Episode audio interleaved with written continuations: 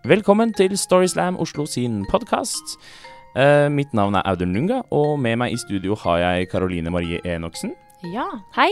Velkommen hit. Takk for det.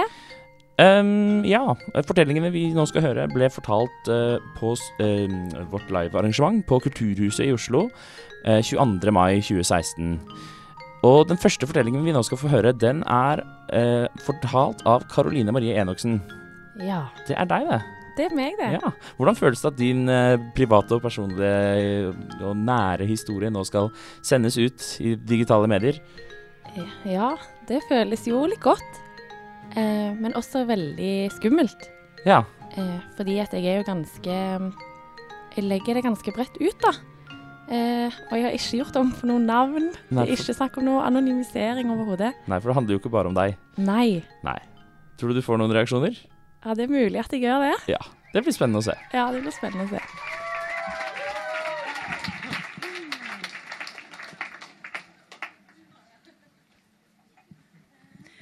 Hei.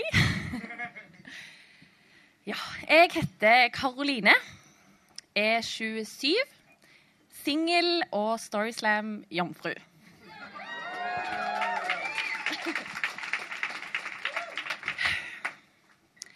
Dette er fortellingen om min første kjæreste.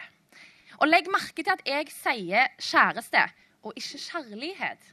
For det kan være to veldig forskjellige ting. Det er høsten 9. klasse. Jeg bodde da eh, i Stavanger, i en bydel som heter Forus. Som er mm, akkurat passe industribelagt og akkurat passe getto. Og det som er viktig å vite når det gjelder Forus, det er det at her gjelder det å være tidlig ute med ting.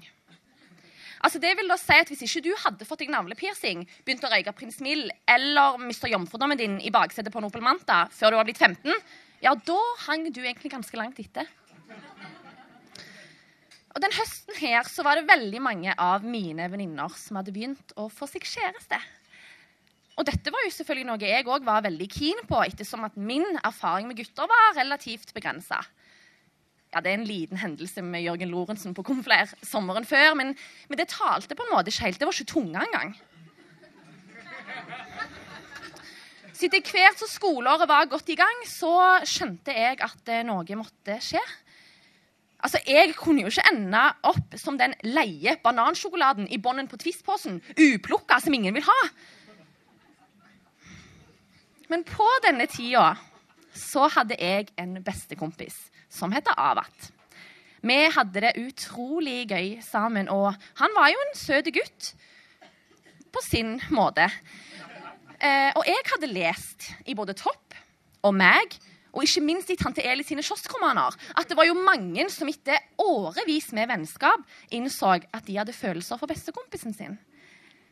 Så jeg tenkte at kanskje dette var verdt et forsøk. Så jeg fortalte dette til Karina, som fortalte det til Karoline, som fortalte det til Hege. Og Hege hun visste hvordan en skulle få ting til å skje på guttefronten. Så Hege gikk til Alish, som gikk til Merash, som gikk til Matti, som gikk til Avat. Og Avat tenkte kult. Og allerede dagen etterpå skulle det skje. En mild høstdag i september.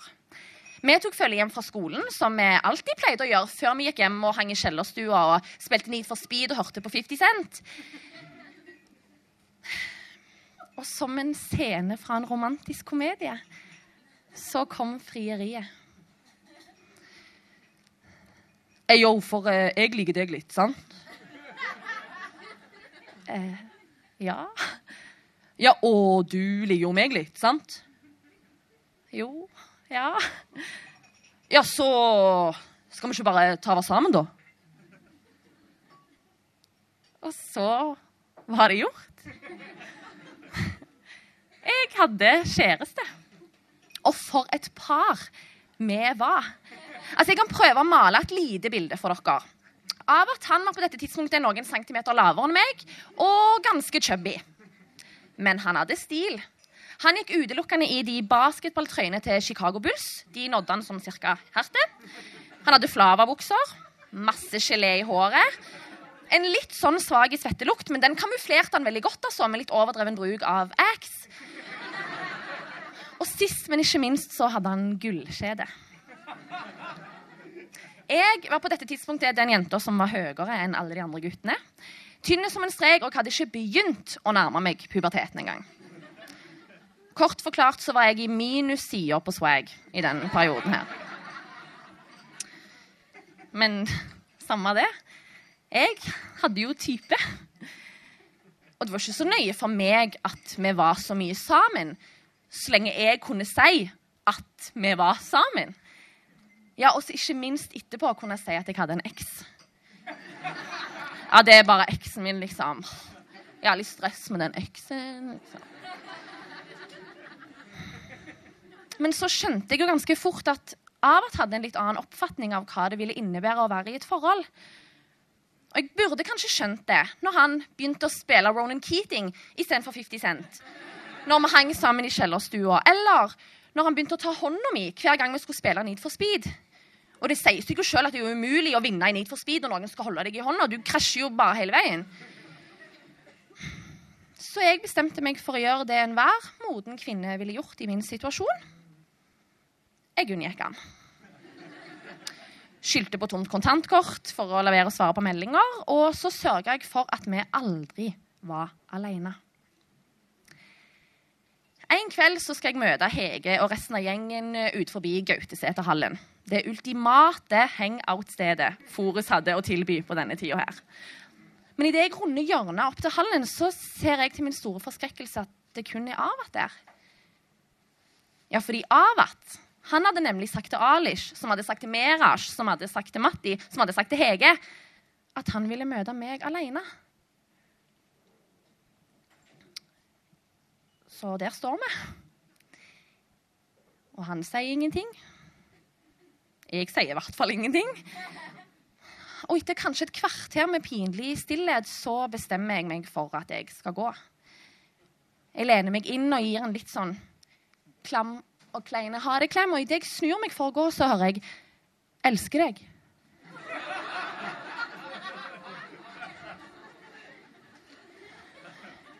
Og tusen tanker går gjennom hodet mitt. Hvordan skulle jeg respondere? Hva skulle jeg si? Skulle jeg si jeg elsker deg tilbake? Jeg kunne jo ikke det. For jeg hadde jo nemlig lest i både Topp og meg og tante Eli sine kioskromaner nok til å vite at når man elsker noen, ja, da bare vet man det.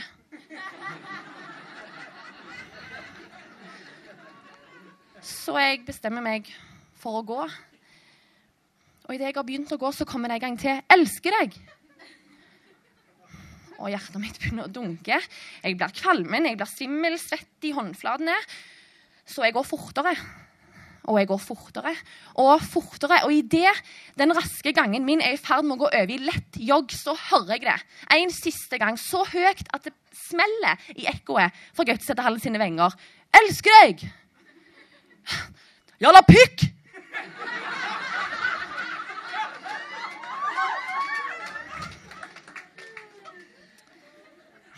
Når jeg kom hjem den kvelden, så skjønte jeg at det bare var én ting som gikk an å gjøre.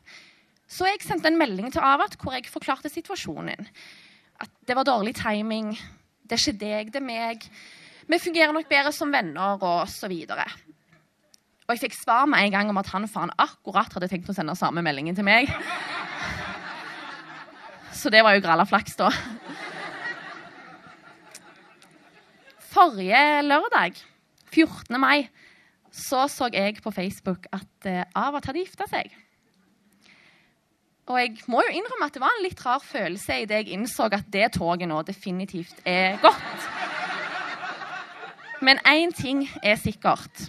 Og det er det at jeg aldri kommer til å glemme den gutten som sa at han elsket meg, og kalte meg en jævla pikk rett etterpå.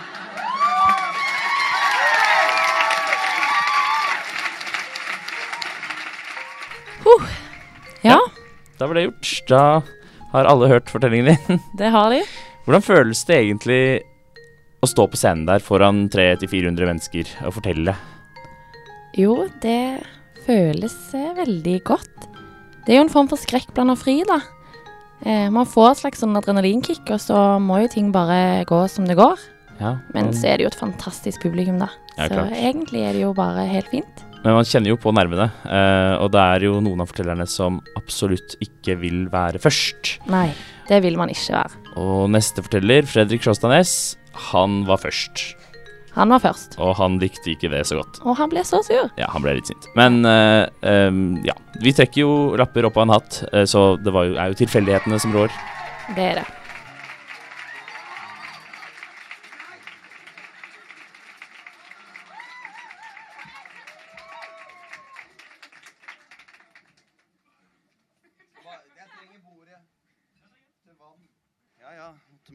Fest og moro.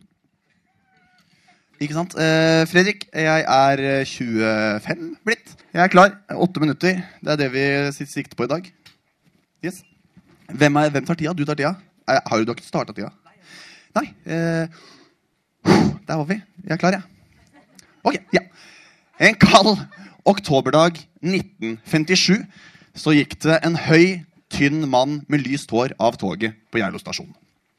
Den mannen, det var min oldefar. For han hadde fått jobb som bygdas nye pølsemaker. Yes da, For min oldefar han er var han født og oppvokst i det som på folkemunne heter Buskeruds Las Vegas, nemlig Hokksund. Der han hadde drevet en særdeles vellykket kjøttforretning midt i Hokksunds hovedgate. Så tenker dere kanskje hvorfor valgte oldefaren din å bryte opp, flytte fra en særdeles vellykka kjøttforretning i Hokksund, sette seg på toget til Geilo og flytte til en bygd som er 800 meter over havet, og der det er snø ni måneder i året. Det har en enkel forklaring, fordi min oldefar han var personlig konkurs. For det er sånn at Når du driver en særdeles vellykka kjøttforretning i Hokksund, så fører det med seg visse ting. Og I det tilfellet her så førte det med seg dyre vaner, høyt pengeforbruk og nye venner. Og min oldefar han hang med fiffen i Hokksund. Og det som var fiffen i Hokksund på den tida, det var legen og tannlegen. Og det fiff, og ettertid har jeg blitt fortalt at grunnen til at tannlegen fikk være med de her Tres Amigos, det var av den enkle grunn at han hadde tilgang til sprit i forbindelse med jobben.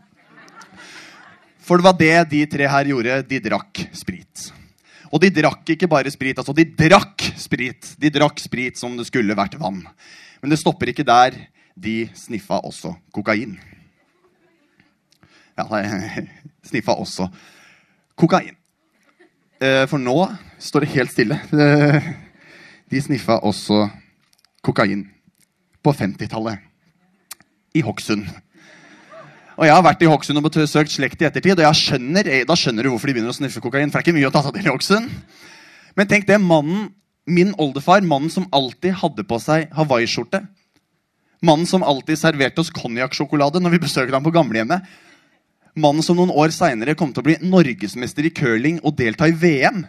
Mannen som fikk brev fra kongen som takk for sin innsats under andre verdenskrig. Han sniffa kokain. Og jeg vet ikke om han var Han var ikke Norges første. Men jeg er rimelig sikker på at min oldefar han var Hokksunds første snorter. Og nå sto han på en togstasjon 800 meter over havet, klar til å ta fatt på jobben som pølsemaker ved Geilo handelslag. Sommeren 1960 så gikk det en liten skotsk kvinne av toget på Geilo stasjon.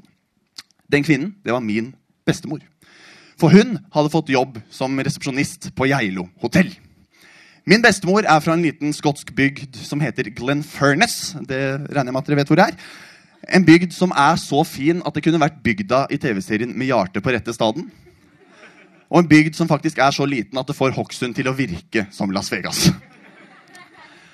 Bestemor studerte tre år på college i Aberdeen, og etter det jobba hun ett år som lærer ved Nairn Academy. En jobb hun likte særdeles lite. Så hun ble tipsa av en kollega på jobben om å kjøpe avisa The Scotsman hver fredag. For i den avisa så sto det utlyst stillinger i utlandet. Og når du har hele verden som potensiell arbeidsplass, så er det jo veldig forståelig og helt naturlig at du velger å søke jobb på Geilo. Og hun tok seg jobb som resepsjonist ved Geilo hotell. Men hun kunne jo ikke et ord norsk. Snakka bare engelsk. Men hun kjøpte seg en norsk-engelsk ordbok og bestemte seg tidlig for at hun skulle lære seg ti nye norske ord hver eneste dag. Noe hun gjorde. Og etter en liten stund begynte den lille skotske dama i resepsjonen å snakke norsk. Planen var at det her i utgangspunktet bare skulle være en sommerjobb. Men når alle sier at 'du må være igjen', vinteren på Geilo er helt fantastisk, du må oppleve vintersesongen, da blir det å oppleve vintersesongen. Og den vinteren så møtte min bestemor sønnen til det som var bygdas pølsemaker. Og det som i utgangspunktet bare skulle være en sommerjobb, har nå blitt til seks barnebarn og 55 år i en bygd 800 meter over havet. 1.7.1982 så gikk det en over snittet pratsom trønderjente av toget på Geilo stasjon. Den dama var min mor. For hun hadde fått seg sommerjobb ved Ustedalen hotell. Min mor kommer fra et sted i Nord-Trøndelag som heter Steinkjer. Og nå vet jeg ikke Yes, du, er det, det er flere som har flytta derfra, ja? Det, for det er egentlig sånn at de som er fra Steinkjer, de flytter ikke fra Steinkjer. De blir der. Men min mor, når hun var ferdig på videregående, så sa hun fuck off til alt som heter høyere videre utdanning, og skaffa seg sommerjobb på det som kanskje er Norges kjedeligste sted, Fagernes. Men den sommerjobben på Fagernes den blei det aldri noe av, av forskjellige årsaker. Så nå skulle hun jobbe på Geilo istedenfor. Planen var at det her bare skulle være en sommerjobb. Men alle sier at du må bli her på Geilo og oppleve vintersesongen! Vintersesongen er helt fantastisk! Ja, da blir du og opplever vintersesongen. Så er det også sånn at når du er fra Steinkjer, så er du ikke nødvendigvis ekstremt god på ski. Så den første dagen skiheisen var åpen den vinteren, på sin første tur, så falt min mor og pådro seg åpent brudd i leggen på to steder. For hun kunne ikke svinge. Så hun fikk aldri oppleve den eh, vintersesongen der og jobbe på Geilo. Men hun trivdes så godt i jobben sin og hadde så lyst til å oppleve en vintersesong at hun valgte å jobbe der en vinter til. Og den vinteren så møtte hun barnebarnet til det som var bygdas pensjonerte pølsemaker. Og det som i utgangspunktet bare skulle være en uh, sommerjobb, det har ført til et ekteskap og to barn. Og ett av de barna står nå på scenen på Kulturhuset og er med på Storyslam. Hva om min oldefar aldri hadde fått den jobben som pølsemaker på Geilo Handelslag? Hva om min bestemor aldri hadde kjøpt avisa The Scotsman akkurat den fredagen? Eller hva om min mor faktisk kunne stå på ski, aldri hadde tryna og fått uh, åpent brudd i leggen på to steder? Da hadde ikke jeg stått her i dag. Man kan planlegge så mye man vil, men livet, det er egentlig ganske tilfeldig. Takk for meg. Ja, da har vi lært hvordan kokainen kom til Geilo. Ja. Det har jeg jo alltid lurt på, egentlig, så det var veldig oppklarende. Storyslam kan være belærende Nei, ikke belærende, men eh, ja. Storyslam kan, Story Storyslam kan lære oss mange ting. Ja. Eh, ja, denne podkasten er over. Uh, hvis du likte fortellingene og er interessert i å finne ut mer, så kan du finne oss på Facebook og Instagram og Twitter. Ja. Twitter også, Karoline? Nei. Nei, ikke kan Twitter. som. Glem men- Twitter. Ehm, kanskje vi kommer på Twitter en gang. Men, ja. Og i- Tumblr. Og Tumblr. I, I mellomtiden så kan du eh, abonnere på podkasten vår, som kommer ut med ujevne mellomrom. Neste liveshow, når blir det, Karoline? Jo, neste liveshow det blir på Slottsfjellfestivalen. Wow. Ja, i Tønsberg. 16. juli klokken fire i eh, campingvognene. Ja. Mhm. Yes. Da ses vi der. Ja. Ha det. Ha det.